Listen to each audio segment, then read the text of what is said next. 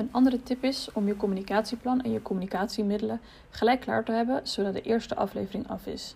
Dan kan je de aflevering in alle enthousiasme delen met het publiek. Een podcastaflevering is immers iets waar je trots op mag zijn en dat wil je dan graag de wereld inbrengen.